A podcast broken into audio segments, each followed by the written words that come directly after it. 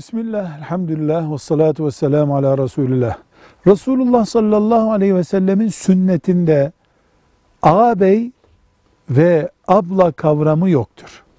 Daha doğrusu Arapça kültüründe bu kelimeler aynen bu şekilde yoktur. Kardeşin veya kız kardeşin söz konusu edildiğinde büyük kardeş, küçük kardeş diye ayrım yapılır.